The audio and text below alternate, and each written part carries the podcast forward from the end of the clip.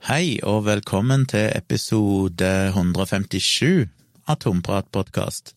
Jeg er som vanlig Gunnar Kjomli, og nå er jo denne podkasten begynt å forplante seg utover internett. Eh, han ble tilgjengelig på Spotify ganske kjapt, så hvis dere har hørt den forrige episoden, så har dere kanskje hørt han der. Han òg dukket opp i Apple Podcasts, eller iTunes, som det vel hette tidligere, eller muligens ennå. Ikke helt sikker på hvordan det der henger sammen. Og skal dukke opp i Google Podcasts og sånn etter hvert. Men så lenge han ligger i Apple Podcasts, så vil han som regel være tilgjengelig i de fleste podkast-apper i løpet av ganske kort tid, for de pleier å plukke opp nye podkaster fra Apple sine servere. Så hva skal jeg snakke om her og nå? Vel, først må jeg jo si at uh, dette er jo første episode i 2021. Dette spiller jeg inn fredag 1. januar 2021. Og i natt så feira meg og min samboer Tone Vi feira nyttårsaften på en veldig koronavennlig og introvert måte. Vi kjørte en livestream på YouTube som hadde en sånn koronavennlig nyttårsfest for introverte på, på YouTube, og det var gøy. Vi starta klokka ti på kvelden og satt der og prata i livechatten med folk, svarte på spørsmål, diskuterte ting. Ja, det er veldig trivelig. Det er litt sånn som de livestreamene jeg har hatt ganske hyppig i det siste, og meg og Tone har jo noe vi kaller for samboerprat, som vi har hver søndag kveld inne på Patrionen noe. Så det er gøy, og det er liksom blitt en sånn gjeng der nå etter hvert, som begynner å kjenne hverandre litt, og det er gode diskusjoner, og i går var det var det tilløp til flørting mellom et par av de som var der, og det er jo alltid gøy. Det er jo hyggelig hvis vi klarer å skape noen nye par òg i samme slengen. Da det ble nyttårs... Ja, da det ble nyttår, nei, da det ble midnatt, var det jeg skulle si, så tenkte vi at vi skulle gå ut og se litt på fyrverkeriet. Så greia var at vi livestreama fram til ca. ti på midnatt. Så satte vi opp et pausebilde, lot livestreamen kjøre videre, sånn at alle kunne gå ut og gjøre det de skulle, skåle i vin, eller se på fyrverkeri, eller gi sin elskede et kyss, eller whatever. Så vi kledde på oss, og var litt usikre på hvordan vi skulle forholde oss til hunden. Vi har jo en liten Yorkshire terrier som bare er ni-ti måneder gammel, som heter Kyla, som jeg sikkert kommer til å nevne flere ganger. Og vi var litt usikker på hvordan hun ville reagere, for dette var jo den første nyttårsaftenen hennes. Det har jo vært tilløp til fyrverkeri i romjula òg, og det har jo egentlig ikke sett ut til å ha reagert så mye på. Tatt det veldig chill. Men vi gjorde vel en, tok vel en dårlig avgjørelse, fordi vi tenkte La ikke pakke henne inn i jakka til Tone, altså på innsida av jakka, hun er svær boblejakke, og så tar hun med oss ut. For hun er veldig nysgjerrig, hun elsker å sitte i vinduskarmen og kikke på ting som skjer på utsida, biler som kjører forbi, eller folk som går forbi, og hun bjeffer aldri, hun er dønn stille alltid, så det er helt nydelig. Hun bare kikker og observerer og syns det er veldig gøy. Så vi tok henne med ut, men det som var en strek i regninga, var at plutselig så begynte naboene å skyte opp fyrverkeri, og det smalt jo så inn i helskottene. Så eh, det syntes hun ikke var så kult, hun ble litt sånn uh, ville inn. Så vi tok henne inn, og hun sprang inn på det roligste hjørnet i rommet vårt, inn, inn, i boden eller inn i kottet helt innerst i leiligheten. Så tenkte vi ja, det er kanskje like greit. Så hun fikk noen godbiter å kose seg med, så kunne hun sitte der inne, og vi stengte dørene, og der inne hører du nesten ikke fyrverkeriet. Så vi gikk ut igjen, litt forsinka, litt over midnatt, fikk vi endelig uh, gitt hverandre et lite nyttårskyss og uh, ønska hverandre godt nyttår. Jeg sendte én nyttårsmelding, og det var til min datter. Det har jo forandret seg. Jeg mener, jeg husker jo tilbake igjen på tidlig 2000-tallet. Da følte jeg jo en sto det første kvarteret etter nyttår, eller etter midnatt, og bare sendte SMS-er til folk. Og stadig vekk så var det jo sånn at du sendte en SMS, men enten så gikk han gjennom, eller så gikk han gjennom, men han kom jo fram til mottakeren to timer seinere. Så det var, det var tider. Det var da du ofte fikk sånne nyttårsmeldinger sånn i tre-fire-tida om morgenen fordi at de hadde blitt så forsinka. Du var egentlig sendt ved midnatt, men du fikk de noen timer seinere fordi nettet til Telenor alltid blir overbelasta. Eller NetCom, som det het i den tida. Eh, men det er andre tider nå. Folk bruker vel eh, både mm, ja, Messenger og Snapchat og Instagram, og de sender via iMessage på, på Apple-devicer, som går via internett og ikke via mobilnettet. Så det er vel ikke så mye trafikk på mobilnettet nå som før i tida. Og det var ikke så stas heller. Dette er jo andre nyttår vi feirer her i den leiligheten her vi bor nå. Og eh, i fjor var det litt mer stas. Jeg tror det var litt finere vær, litt mindre eh, tåke over skya. Og det var nok mer fyrverkeri, tror jeg. Spesielt fordi de på Furuset, som ligger et kort stykke unna her, hadde et offentlig fyrverkeri. Det hadde de ikke i år av korona, så det var kun det private. Og det var liksom ikke samme schwungen over det i år som i fjor. Jeg følte iallfall ikke jeg så like mye fyrverkeri. Selv om jeg hadde lest i avisen at det var liksom rekordsalg av fyrverkeri, men så det ble noe som det ble, jeg var ikke ute så lenge, ute i ti minutter eller sånn og kikka, og så trakk vi oss inn igjen og slengte oss ned i stua i noen minutter for å strekke litt på beina og bare slappe litt av før vi skulle fortsette livestreamen. Og den fortsatte til nesten tre om natta, så det ble jo omtrent fem timer med livestream. Og det er jo ikke all verdens mange som ser på, det var vel sånn i snitt rundt en 80 som så på, men folk kommer og går jo, så etter sendingen er ferdig, så er det jo kanskje 200-300 som har vært og sett på totalt sett. Og i dag så ser jeg at han er ja, Skal vi se hvor mange er det nå som har sett han? Knappe 24 timer seinere, er det ikke så mye. 18 timer seinere så har han blitt sett av Skal vi se Reloader her 1249. Så det er jo en del som jeg var inne og sett på, og det er jo like Vi kjører livestream, men så blir jo videoen liggende ute, så folk kan se den etterpå hvis de vil det. Så det var vår nyttårsfeiring. Det var liksom livestream og en kjapp tur ut for å se på fyrverkeriet. I tillegg så uh, var jo en liten event i går, for jeg fikk meg litt nytt lys i studioet mitt. Jeg har jo brukt det siste halvåret nå på å bygge opp studioet mitt, som egentlig bare er kontoret. Det er ganske lite. Det er sånn ja, hva er det, fire ganger um, knappe tre meter, kanskje opp mot en tolv kvadrat. Der jeg i ett hjørne har liksom datamaskinene jeg bruker til jobb, for jeg har jo hatt hjemmekontor nå siden koronaen begynte, min daily IT-jobb som jeg jobba med i 20 år. Og så har jeg prøvd å disponere ca. andre halvdel av kontoret her til et slags studio. Og der har jeg fått opp en vegg, eller en sånn skjermvegg på baksida, så jeg har en jevn og fin bakgrunn. Jeg har fått opp masse lys, jeg har to kamera, jeg kan switche mellom kameraene, har miksebord og alt mulig. Men det jeg kjøpte i går, vi var nede en liten tur i byen i går, butikkene var ikke oppe så lenge, men vi rakk akkurat å komme innom eh, Scandinavian Photo, der jeg fikk kjøpt meg to sånne lange LED-lys som du kan eh, styre med fjernkontroll, og velge forskjellige farger og effekter. Så de fikk jeg rigga opp, sånn at vi fikk en farga bakgrunn og kunne ha en litt sånn mer koselig farga bakgrunn heller enn bare den vanlige grå bakgrunnen. Så det så litt mer fancy ut enn vanlig. Så det gleder jeg meg jo til å bruke i videoer sånn framover, og livestreams.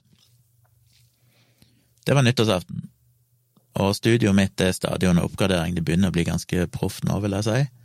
Begynner å bli high quality shit. Men det er alltid nye ting jeg kommer på jeg må ha, så vi får se hvor den oppe hen.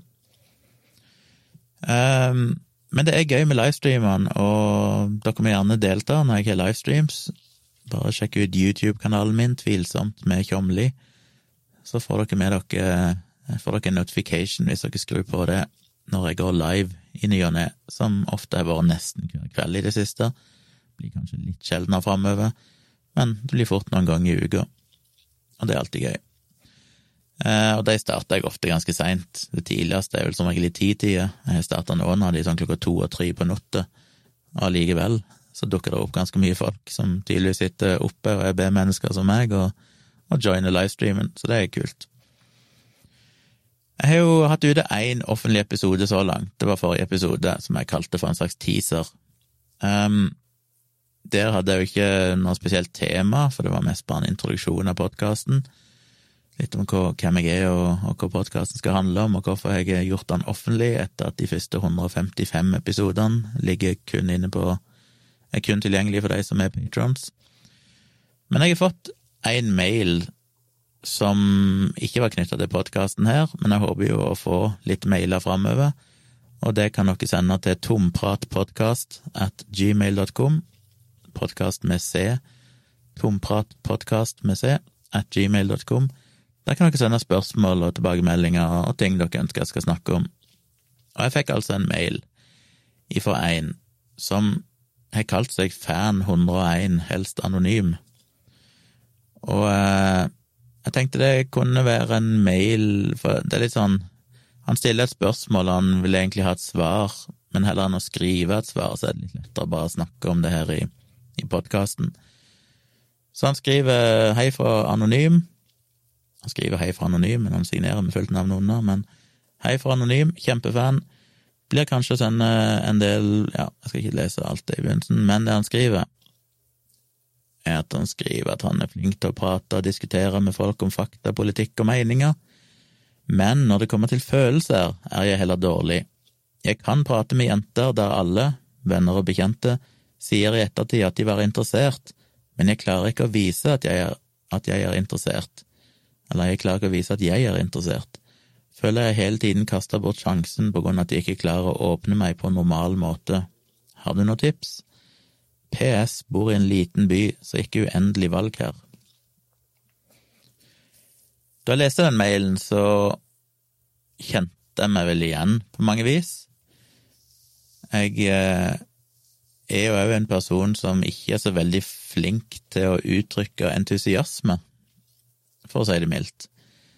Jeg, eh, som andre påpekte i YouTube-livestreamen, så burde jeg være god i poker, sier de, fordi at jeg har sånn pokerfjes. Jeg uttrykker ingenting. Og jeg snakka litt om det tidligere i Dialogisk podkast og i andre sammenhenger, men, men det er jo rett. Jeg eh, er jo på ingen slags måte følelsesløs. Jeg, jo, jeg kan jo grine av eh, en dårlig reklame på TV, liksom, og bli veldig grepet av historier og føler mye empati med med folk, men jeg uttrykker det ikke så veldig. Til og med morsomme ting. Det skal mye til at jeg ler høyt. Jeg kan se på ting jeg syns er morsomt, og kose meg innvendig, men det, det, er bare en sjelden gang at noe er så morsomt at jeg faktisk begynner å le, og folk kan se på meg at jeg syns dette er morsomt. Og det kan gjelde på standup og sånn òg. Jeg kan sitte på et standup-show og tenke etterpå at ja, det var bra, det. Men jeg blir så overraska fordi folk flest ler så mye ofte er de mest banale ting som jeg bare tenker sånn herregud, dette er ok, det var kanskje småmorsomt, men det er jo virkelig ikke noe å bryte ut i latter over. Men det er nå én ting. Men til og med når det er noe som er veldig morsomt, så, så registrerer jeg på en måte mer at ja, dette var morsomt, dette var bra, men det skal veldig mye til at jeg ler. Og jeg har nok òg følt det samme når jeg har data folk, eller bare møtt damer, eh, som jeg kanskje var interessert i så må jeg bevisst tenke på det, at jeg må uttrykke følelsene mine. For det kommer ikke naturlig. Og det er jo fort gjort å tenke at det er veldig autistisk, jeg må være autist, og ja, kanskje er jeg det, kanskje er jeg et eller annet sted på det spekteret. Aldri sjekka det ut, har ikke noen diagnose, men det ville jo forklart ganske mye av ting jeg føler og syns er vanskelig i hverdagen, hvis jeg eh, kanskje fikk en slags Aspergers diagnose eller noe sånt. Og jeg tenker jo fort at han som skriver denne mailen til meg, kanskje sliter med litt av det samme. Og hva, hva for tips er jeg å gi til det? Vel, tipset er jo rett og slett trening, sosial trening. Og jeg gjorde jo det til en viss grad. Dette ble eh, skilt for eh, ja, hva tid er det, tolv år siden omtrent. Så ble jeg singel for første gang på veldig lang tid. Jeg hadde vært i to ganske lange forhold meg i, hjembygda mi, Ponstad. Og så plutselig ble jeg singel, og fant vel på mange måter ut at nå må jeg ta meg sammen. Så jeg begynte jo for første gang i mitt liv, så gikk jeg på date, og jeg date, det var jo ikke noen å date der jeg kom ifra, så jeg var inne på sukker.no og, og data folk, eller prøvde å matche folk. Og jeg prøvde jo i lokalområdet, men der var det jo ingen tilgjengelige, som regel. Så jeg hadde tendens til å velge Oslo som sted, og da kunne jeg liksom se folk i Oslo, og fikk matcha, og, og jeg er jo flink til å flørte skriftlig, holdt jeg på å si, eller flink til å skrive, så jeg, jeg, fikk jo mange interesserte når de først begynte å skrive med meg, for jeg skrev jo skikkelige meldinger. Jeg skrev jo ting med substans, og kunne formulere meg, skrive grammatisk korrekt. Og ble jeg avvist, holdt jeg på å si, så svarte jeg høflig og hyggelig og ønska de lykke til videre. Eh, som seg hør og bør, jeg blir jo alltid like sjokkert over alle historiene jeg hører om folk som menn som blir forbanna eller blir ufine hvis de blir avvist. Det er noe av det mest patetiske jeg kan tenke meg. Um, så jeg hadde jo ganske stor suksess, sånn sett. Og jeg reiste jo en del inn til Oslo da i helgene, fordi jeg enten var på kurs i forbindelse med jobben, eller jeg bare skulle besøke venner som hadde flytta til Oslo. Og det kombinerte jeg ofte med å gå på en date eller to i løpet av ei helg. Og det var min sosiale trening, og sakka folk som var på de første datene med meg, for det må jo ha vært grusomt, det er jo vondt av de den dag i dag. For jeg hadde null trening i å prate med folk one to one. Det var Ja, det er jo som de der verste datene du ser på første date, hvis dere har sett det på Dplay, eller hvor det er, Viaplay, eller vet du sånn hva det er, en eller annen kanal. Um, der det stadig vekk er et eller annet awkward par som bare blir sittende, og ingen av de vet hva de skal si. Og det blir bare sånn jo da, men nei da, jo da, så ja da. Og det er altså så vondt å se på. Og jeg er jo flink til å prate hvis vi faktisk prater om noe av substans. Da har jeg mye på hjertet. Men jeg er jo ikke flink til smalltalk. Det vil si, jeg er blitt vesentlig bedre nå enn det jeg var før, eh, på grunn av at jeg har øvd meg men i den gang så var jeg jo veldig sjenert og hadde ikke noe lett for å prate med folk, så jeg måtte rett og slett bare kaste meg ut i det, uansett hvor ubehagelig det var, så var det noe jeg måtte gjøre.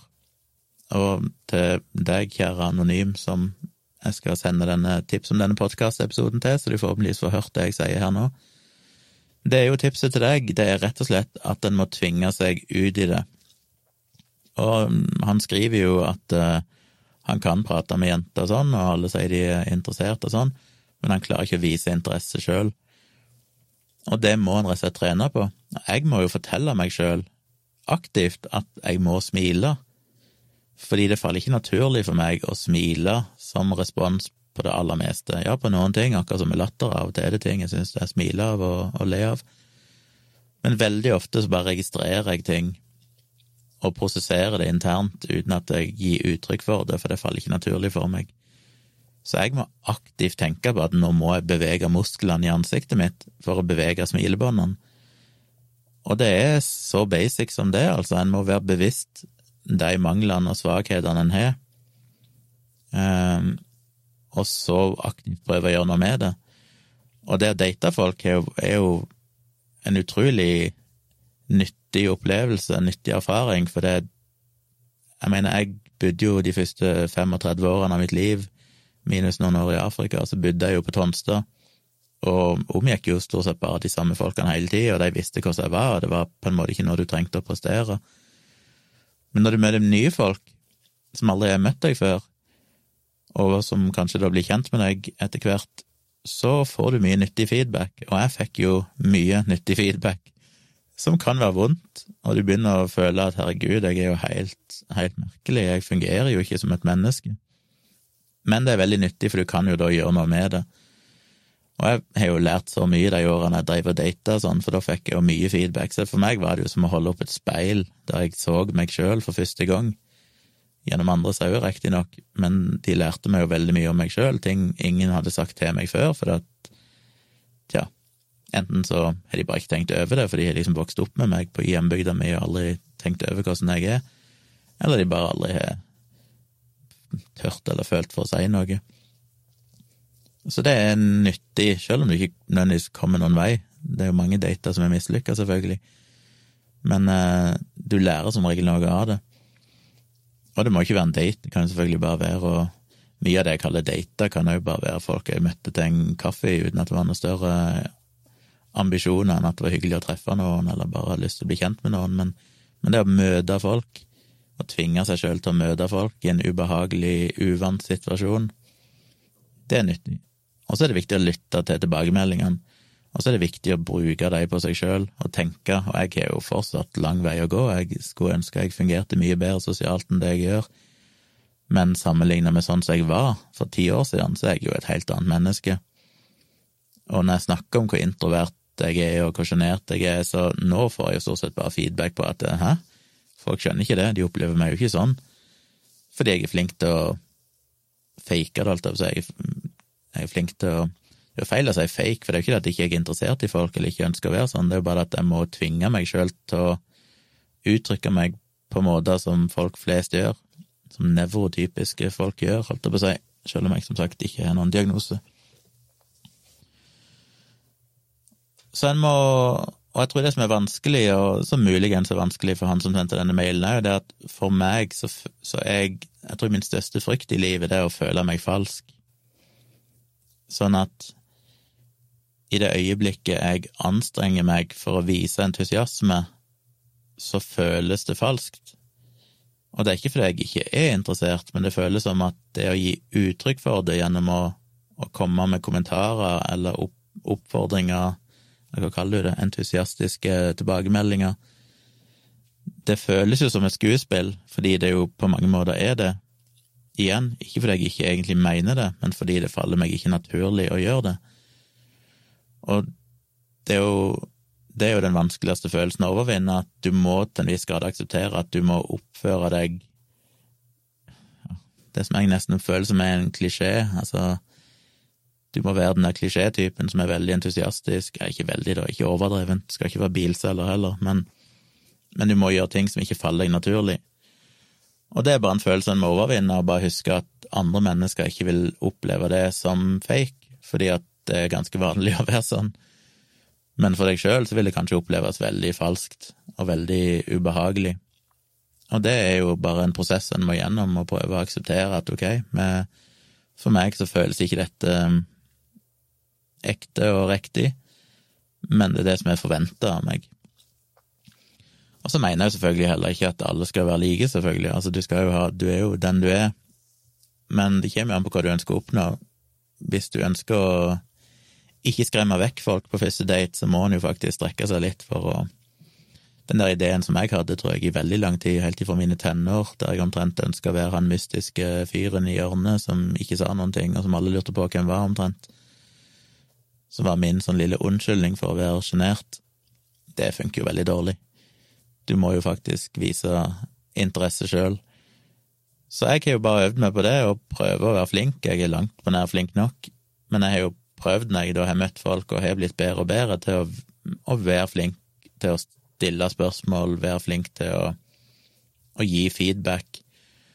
Og ikke minst så er det jo et eller annet her med, med selvtilliten, eller selvfølelsen, denne her. Altså, jeg Min største Mitt største problem i mange år, og jeg er vel der ennå, jeg vil egentlig ikke kommet over det, selv om jeg nok har et litt mer realistisk syn på det nå enn før, er jo å overbevise seg selv om at folk faktisk kan like deg. Folk faktisk kan være interessert i deg. Det finnes damer som som kan like deg og til og med bli forelska i deg. Og det var jo veldig vanskelig for meg, og for så vidt er det fortsatt, å klare å overvinne den følelsen av at det, det er ikke noe vits i, for at eh, jeg er jo så rar, eller jeg er jo så kjedelig, eller whatever. Så det å tørre å vise interesse og være Vise at du er interessert i en person fordi det faktisk er en mulighet for at de er interessert i deg, er viktig. Jeg var jo veldig flink til å, i mange, mange år, til å egentlig aktivt ødelegge enhver mulighet til at ei jente skulle bli interessert i meg, fordi da slapp jeg å bli skuffa over å få bekrefta at de ikke var interessert i meg.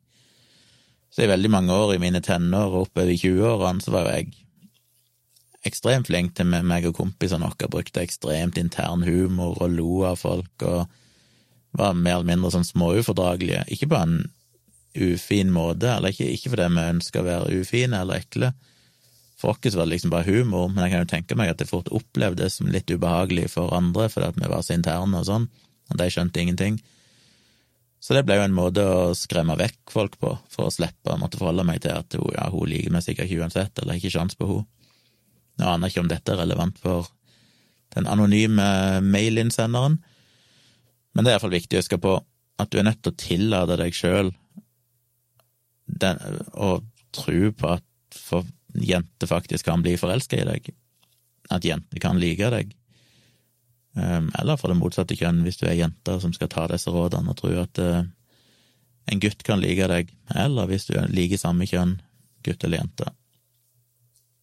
Og det er vanskelig, hvis en eh, har vokst opp med den følelsen av at du er uspiselig, eller er uelskbar, som jeg har gjort, så er det noe du kanskje aldri kommer helt over i løpet av livet ditt, men du kan komme et ganske langt stykke på vei. Jeg føler iallfall jeg har klart det, å, å akseptere nå at det faktisk er mulig at noen kan like meg, som burde være en selvfølge, for jeg har tross alt vært gjennom en del forhold, men selv om en har vært sammen med folk og hatt kortere og lengre forhold, jeg har til og med vært gift, så følte jeg likevel ikke at noen egentlig kunne like meg. Så det, det, er jo bare helt irrasjonelt, men det er jo sånn det. Med sånne følelser. Det er ganske håpløst. Så for å oppsummere, du må tørre å tro på at noen kan like deg, og bruke det til å faktisk å flørte eller vise interesse. Um, fordi hvis ikke du gjør det, så så blir sikkert ikke de interessert i deg heller. og så må du aktivt prøve å se deg sjøl utenifra og tvinge deg til å gjøre ting som kanskje føles ubehagelig, som å være entusiastisk eller gi feedback, små kommentarer underveis, le, smile. Og det kan føles fake, men det er nødvendig. Så man jo bare sjøl finner hvor grensene går. Og igjen, selvfølgelig, så skal det ikke fremstå som overdrevent eller falskt, men, men, eh, men, det er bare en øvelse, en prosess en må gjennom. Så jeg, eh, jeg håper jo det lykkes for den anonyme innsenderen her.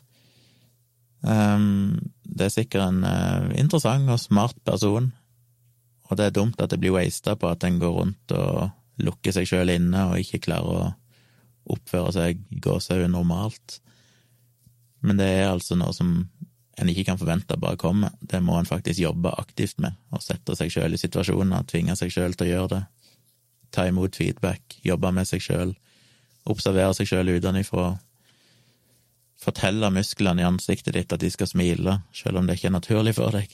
Si ting som ikke føles naturlig, men som er hyggelig, og, og gi motparten en følelse av å bli verdsatt, og at du er interessert i personen så håper jeg det, det går bra. Og angående den PC-en, bor i en liten by, så ikke uendelig valg her. Nei, det er jo et problem det er vanskelig å gjøre noe med. For min del så var det jo selvfølgelig Gjaldt det jo å flytte til Oslo. Så for folk, og jeg kjenner jo sjøl folk som bor på der hjembygda mi og andre små steder, og som sliter med å finne seg en partner, og det er jo vanskelig på sånne små plasser, for det alle kjenner alle, og det er ikke noe spesielt marked men kanskje en rett og slett da må flytte på seg. Så det er en mulighet. Eller gjør som meg, starte forsiktig, begynne å bruke sukker.no eller Tinder eller eh, Happen eller et eller annet sånt. Ja, Happen funker ikke, for det funker bare der du er. Men Tinder, så hvis du betaler litt, så kan du sveipe i andre byer, andre plasser i verden. Så kanskje du skal prøve å finne deg en date igjen et litt større sted i nærheten av der du bor, og så kanskje ta deg en tur på date. Uh, hvis det er det som må til. Det hjalp iallfall for min del. Så det var min lille feedback til den anonyme innsenderen. Håper det kanskje hjalp han, og kanskje noen andre. Ellers så um, ja. Tenkte jeg skulle bare si litt om hva jeg forventer av 2021. Det er jo 1. januar nå. Det er jo naturlig å se litt framover. Jeg ser jo folk, eh, og dette snakket vi en del om i livestreamen i går, i nyttårslivestreamen, men jeg er litt lei av folk som snakker om 2020, og endelig er 2020 over, og hvor jævlig 2020 har vært. For de har det egentlig det. Hvis du tar vekk pandemibiten, så tror jeg ikke 2020 har vært verre enn noen andre år, selv om det ofte blir sånn at hver gang det skjedde noe negativt i 2020, så er det bare sånn åh, skal alle i 2020 liksom slutte å, å komme med dritt? Og det føler jeg ofte folk gjør mange år, og så glemmer de det vekk. Det er jo fort ja, For noen år siden, husker ikke akkurat hvilket år det var, så døde det jo ganske mange kjente artister og sånn. Og da var det jo sånn å, dette året var helt forferdelig, skal det aldri ta slutt, skal det dø enda flere, og jeg gleder meg til et nytt år. Så kommer det nye året, og så glemmer en vekk at fjoråret var ganske dritt, men så er det plutselig det nye året som er dritt. Og jeg tror vi glemmer veldig fort. 2020 er vel neppe vært spesielt ille. Det meste av det som har skjedd, har jo skjedd i tidligere år òg. Eh, det har vært forferdelig med dette raset, eh, eller hva du skal kalle det, som var nå for et par dager siden. Men det har vært sånne naturkatastrofer i Norge før òg. Det har vært togkrasj, det har vært flystyrt, det har vært terroraksjoner. Det har vært mange år tidligere der det har vært skikkelig bedritne, grusomme ting som har skjedd, og det må vi ikke glemme vekk. Jeg tror ikke 2020 var spesielt sånn sett. Det spesielle med 2020 er jo selvfølgelig pandemien, og det er mulig at folk bare tolker alt i lys av det, at fordi vi har hatt en spesiell situasjon med pandemi og lockdown og mindre sosialisering, og så blir liksom alt annet plutselig mye verre. Og det er mulig, og det skal jeg ikke ta ifra noen hvis de føler for det. Men det er jo to ting med det. Det ene er at, ja, for det første for min del er jo ikke 2020 vært ille. Jeg er jo veldig introvert av natur. Jeg syns det var egentlig ganske fint med 2020. Og igjen, jeg mener ikke å være usympatisk, jeg vet at det er mange som har mista kjære og opplevd sykdom og hatt slitsomme, stressfulle dager på jobb, enten det er i helsevesenet eller fordi de har slitt økonomisk i firmaet sitt, eller hva det måtte være. Det har vært vanskelig, det anerkjenner jeg, det har vært vanskelig for mitt eget firma òg. Det var utfordrende. Men jeg har prøvd å bruke det til noe positivt, og det er jo å bruke mer tid til å utvikle min Patron-kanal, min YouTube-kanal, eh, studioet mitt. Det har jo åpna for muligheter, og det er jo sånn jeg har prøvd å leve livet mitt alltid. Når det skjer noen bedritne ting, så åpner det alltid nye dører. Verdens største klisjé, men det er sant. Det er alltid noe nytt du kan få gjort da, når andre ting faller bort. Så jeg har jo egentlig hatt det ganske greit. Og jeg skjønner jo at hvis du er veldig ekstrovert og veldig avhengig av sosial kontakt med andre og sånn, så er dette vært eh, tungt. Men jeg syns det er et eller annet deilig òg med at kanskje det er på tide å innse at en vesentlig del av befolkningen faktisk ikke er sånn. Verden er jo i veldig stor grad skapt for de ekstroverte, og det at eh, de ekstroverte nå plutselig har hatt det litt vanskeligere, og kanskje få kjenne litt på hvordan det er å være introvert, at eh, vi som er introverte stort sett føler oss utenfor og føler at ting er vanskelig veldig mye, men kanskje nå endelig har hatt en liten ja, en liten opptur, for at nå er vi andre måtte leve det livet vi egentlig lever, og vi har klart, å, klart oss bedre av den grunn fordi vi er vant med det. Vi trives med å sitte alene og dille med ting. Det er kanskje litt sånn eh, skjebnens rettferdighet. Og det føles som at du skal ikke ha lov å si at du har hatt det greit i 2020. Fordi igjen, verden er skapt for de ekstroverte, og hvis de ekstroverte lider, ja, da skal alle lide. Men det er litt sånn nei, fuck off. Jeg har hatt det ganske fint, og jeg vet det er mange andre introverte som òg har hatt det fint.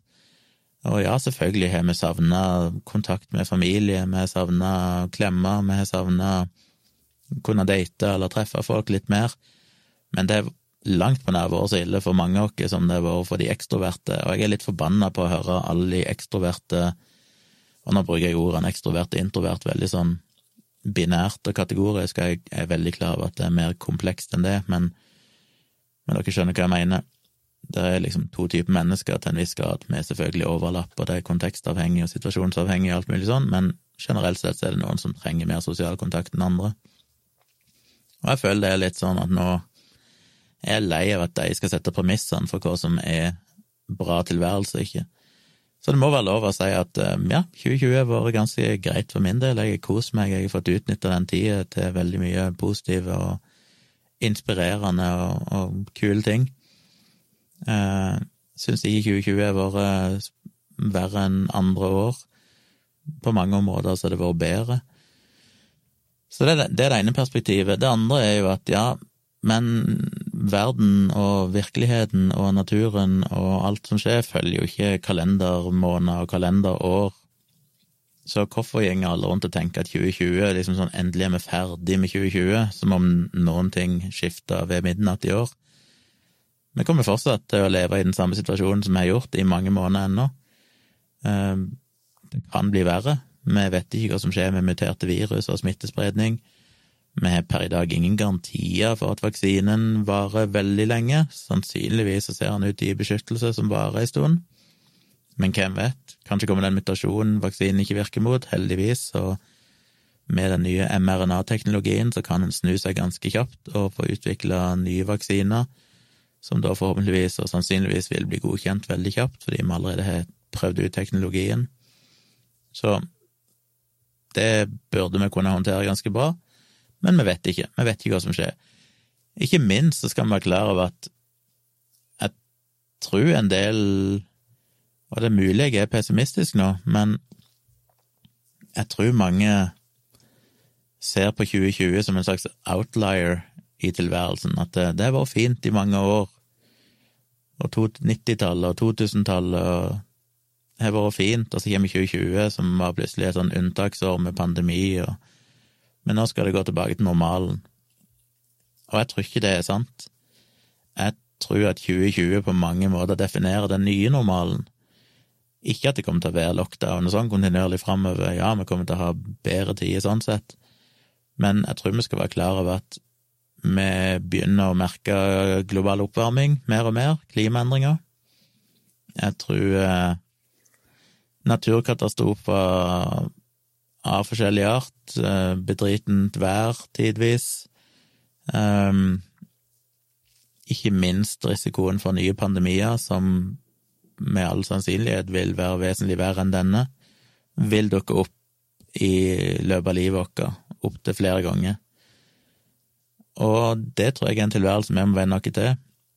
Jeg tror nok Jeg sa vel det i en dialogisk episode her for et år siden at eh, ikke et år siden, tidligere i vår en gang, at kanskje 2019 var liksom peak eh, frihet.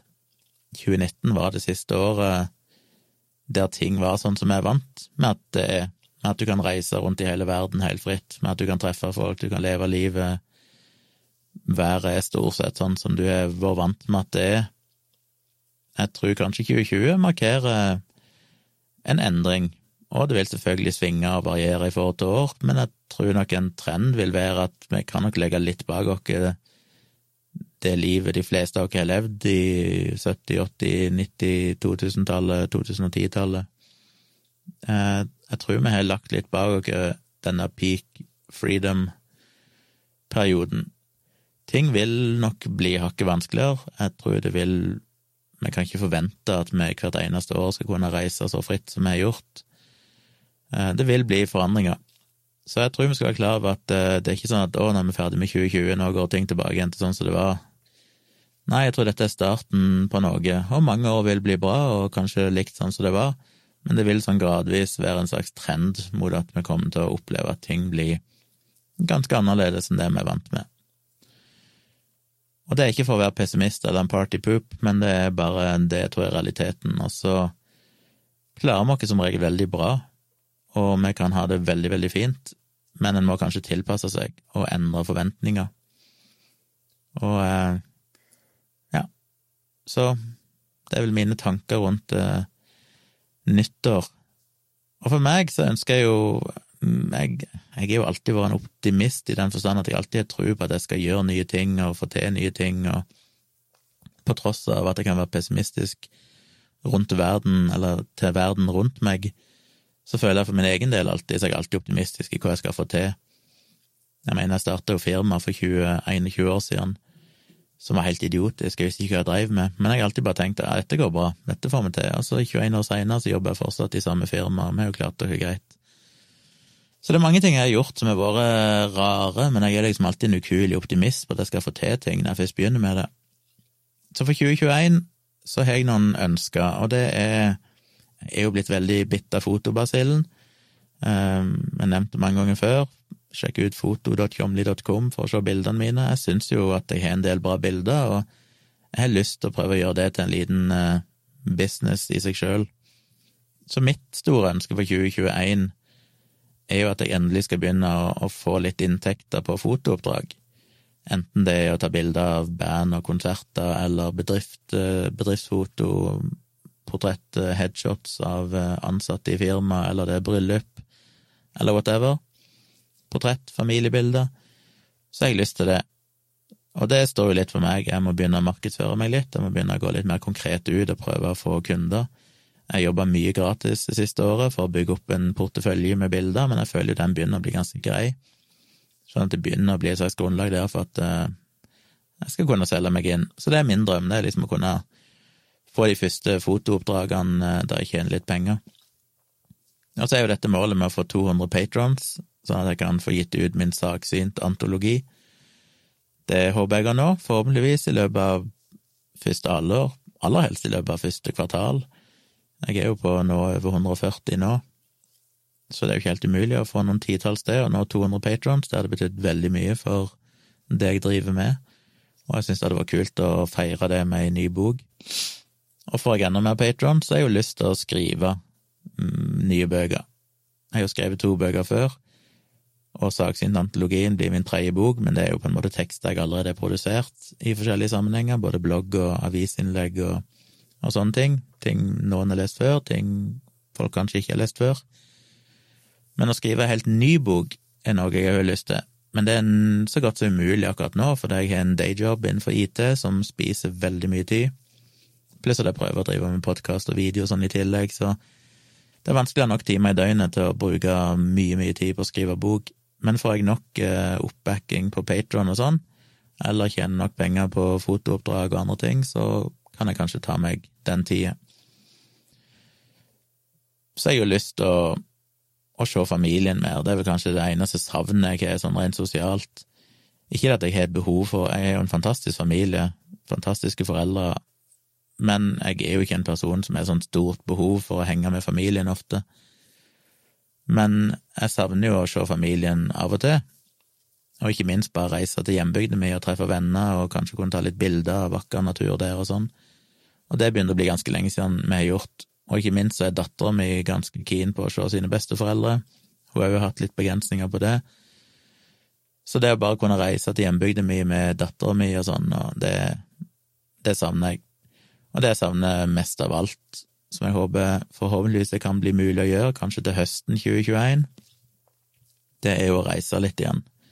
Både for å ta bilder, men òg for å oppleve verden. Jeg er veldig glad i å reise, og min samboer Tone er jo veldig glad i å reise, og vi, vi har reist ganske mye allerede de to årene vi har vært sammen, og jeg vil reise mer. Så um, det håper jeg skal skje i 2021, det er et av mine største ønsker, kunne reise mer.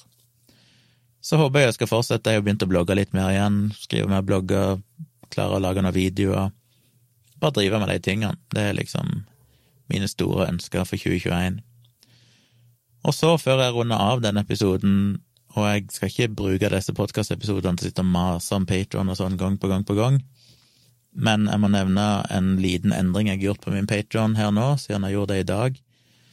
Og det er at jeg har endra litt på de forskjellige tiersene, altså de forskjellige nivåene du kan støtte meg på.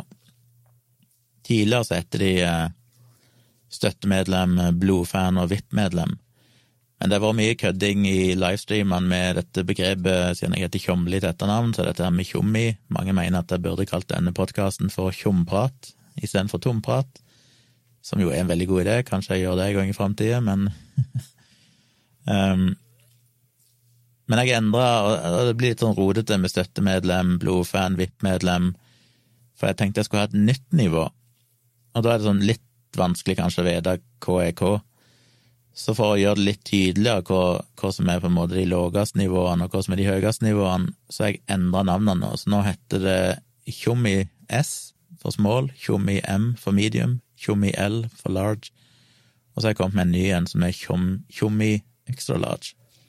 Så nå bruker jeg begrepet tjommi. Så hvis du støtter meg på Patron, så er du en tjommi, rett og slett. Jeg håper noen har lyst til å være det. Så du kan støtte meg som tjommi S for fem eh, euro i måneden, og får da tilgang til bonusepisoder av denne podkasten. Jeg skal jo slippe noen gamle saksynte episoder, og det kommer sikkert litt andre spesialepisoder etter hvert. Du får rabattkoder på ting, du får tilgang til Discord-serveren, du får annet eksklusivt innhold, du får tilgang til samboerprat med meg og Tone, og litt sånn. På Tjommi M så får du alt det samme som Tjommi S, men i tillegg så får du tilgang til mine foredrag og lydbøker, både som video eller lydbok eller podkast. Som Tjommi L så får du i tillegg shoutouts i videoene mine, men du får òg ei gratis signert bok av meg. Men så har jeg altså lansert en Tjommi XL, og dette er jeg veldig usikker på. Det føles litt kleint, og det er mulig jeg kommer til å fjerne den igjen hvis det bare føles som en totalt mislykka prosjekt. Men jeg tenkte det var verdt et forsøk. Og Tjommi Excel er alt det andre, selvfølgelig, som SM og L inneholder, men i tillegg så får du en personlig konsultasjon per måned. Og hva betyr det? Det betyr at uh, du kan bruke den til én av to ting. Du kan enten ha en uh, 30 minutter lang konfidensiell samtale med meg i måneden, enten via Zoom eller Teams eller Whereby eller Skype eller et eller annet sånt, altså via nettet. Og jeg vet at det er folk som kanskje har spørsmål, ting de ønsker å prate med meg om, jeg får jo mailer og sånn. Kanskje noen har lyst til å ha en prat heller, og spørre meg om ting, når de trenger å snakke om. Jeg vet jo at det er ganske mange som utleverer seg til meg fordi jeg er temmelig fordomsfri, enten det gjelder seksuelle ting, eller det gjelder ja, psykiske ting, eller whatever. Jeg skal jo ikke være noen fagperson og gi råd, men hvis noen bare har lyst til å prate og kanskje få noen innspill ifra meg, så er det mulig. Alternativt så kan du bruke det til å sende meg et spørsmål eller et tema som du ønsker at jeg skal researche for deg. Ehm, folk har jo lest bloggen min i mange år, og mange av de som følger meg, eh, liker jo det jeg gjør, rent sånn research-messig. Så hvis du har ønske om å ha en mulighet til å få et eller annet researcher for deg en gang i måneden, maks, eller bare noen ganger i år, eller når du trenger det, så kan du bli en tjom i Excel det kan jo være at du skal skrive en oppgave, du skal skrive en artikkel, du jobber med noe skolearbeid, du bare er nysgjerrig på et eller annet, du har havnet i en diskusjon og trenger noen til å sjekke fakta. Så kan du altså ta kontakt. Hvis du er tjom i Excel, sender meg en mail med et eh, spørsmål eller tema, og så bruker jeg inntil et par timer på å researche det så godt jeg kan, og finne kildeanvisninger. Så da får du i retur en oppsummering av hva er status på denne saken, hva, hva er det egentlig vi vet om dette, hva er svaret, hva er konklusjonen, hva er sannheten, um, som jeg da prøver å oppsummere i en tekst, og legge ved det som fins jeg har funnet kilder og linker, altså. Så det kan være nyttig. Det kan være en måte å bruke min kompetanse på det området, for jeg tror at jeg kan gjøre det ganske kjapt. Det er mange som sliter med det. De vet ikke helt hvordan de skal orientere seg på nettet og finne ut hva som er sant her i verden, og skille gode kilder for dårlige kilder. Men hvis du ønsker å ha den tilgangen til at jeg kan gjøre det for deg, så kan du altså bli en tjom i Excel. Og siden det krever en del, både det å sitte og prate og bruke tid på å eh, researche ting for deg, så koster jo Tjommi Excel litt mer enn de andre. Så Tjommi Excel koster 100 euro i måneden, som er sånn røft regna en tusenlapp. Eh, og det er kanskje verdt det for noen, men fordi at det òg tar mye tid for min del, sånn rent timeprismessig, så er det jo ganske billig. Eh, 500 kroner timen, cirka. Det er en billig konsulentpris, det. Latterlig billig. Men det kan være verdt det for noen. Og eh, for at jeg ikke skal ende opp med å bruke hele dagen min på det, så lenge jeg faktisk har en dayjob og andre ting å gjøre, så jeg har begrensa den til ti personer. Så de ti første, som blir kommet i Excel, får altså den muligheten til enten prate med meg og stille meg spørsmål, ha en konfidensiell prat med meg face to face en gang i måneden, eller sende meg spørsmål. Og det kan selvfølgelig variere. En måned vil du kanskje bare prate om noe, en annen måned trenger du meg til å researche noe. Det velger du sjøl. Så det er mulig. Kanskje er det idiotisk, jeg vet ikke, men jeg tenkte det var verdt et forsøk, for jeg får så mye spørsmål og sånn på mail, og det koster meg tid å sitte og gjøre det gratis, og hvorfor kan ikke heller folk da betale for den tjenesten?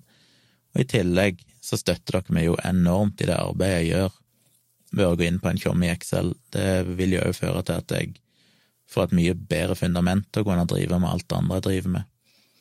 Så det vil jo bety ekstremt mye, hvis det er noen som vil bli en tjomme i Excel. Men alt hjelper. Tjom i M og L òg er jo utrolig god hjelp. Så det var min lille informasjon om eh, tjom i Excel eh, på Patrion. Gå til patrion.com slash tjomli hvis du vil signe opp på en av de. Så får dere tilgang til for eksempel en helt spesiell podkast-feed, der du òg får disse spesialepisodene og lydbøker og sånn, hvis du, hvis du får tilgang til det, avhengig av hvilket eh, nivå du velger. Så det tror jeg var dagens episode. Eh, jeg har vel en slags plan om å prøve å lage episoder på tirsdager og fredager, som minimum. Kanskje blir det flere, av og til blir det kanskje færre, og ikke alltid kommer til å treffe de rette dagene. Kommer litt an på hvor mye gjør på andre områder. Men, eh, men ja, cirka tirsdag og fredag så kan dere forvente dere en episode framover. Så tips gjerne alle andre om at de kan abonnere på denne podkasten. Han er som sagt nå tilgjengelig i de fleste podkast-apper, tror jeg, og eh, dukker opp i flere for hver dag som går. Eh, og husk å sende meg spørsmål og mail. Jeg er veldig glad i å få spørsmål, for da har jeg noe å fylle disse episodene med av interessante ting. Så send meg spørsmål og tips og tilbakemeldinger på tompratpodkast at gmail.com. C, altså så håper jeg å høre fra mange av dere etter hvert. Takk for meg, nå skal jeg spise mitt uh, første måltid, holdt jeg på å si, i 2021. Ikke helt sant, for jeg har spist frokost, men min første middag i 2021. Og så høres vi igjen om noen få dager, og husk, jeg er tilgjengelig på livestream nesten hver kveld, så sjekk ut YouTube-kanalen min Tvilsomt med Tjomli. Vi snakkes!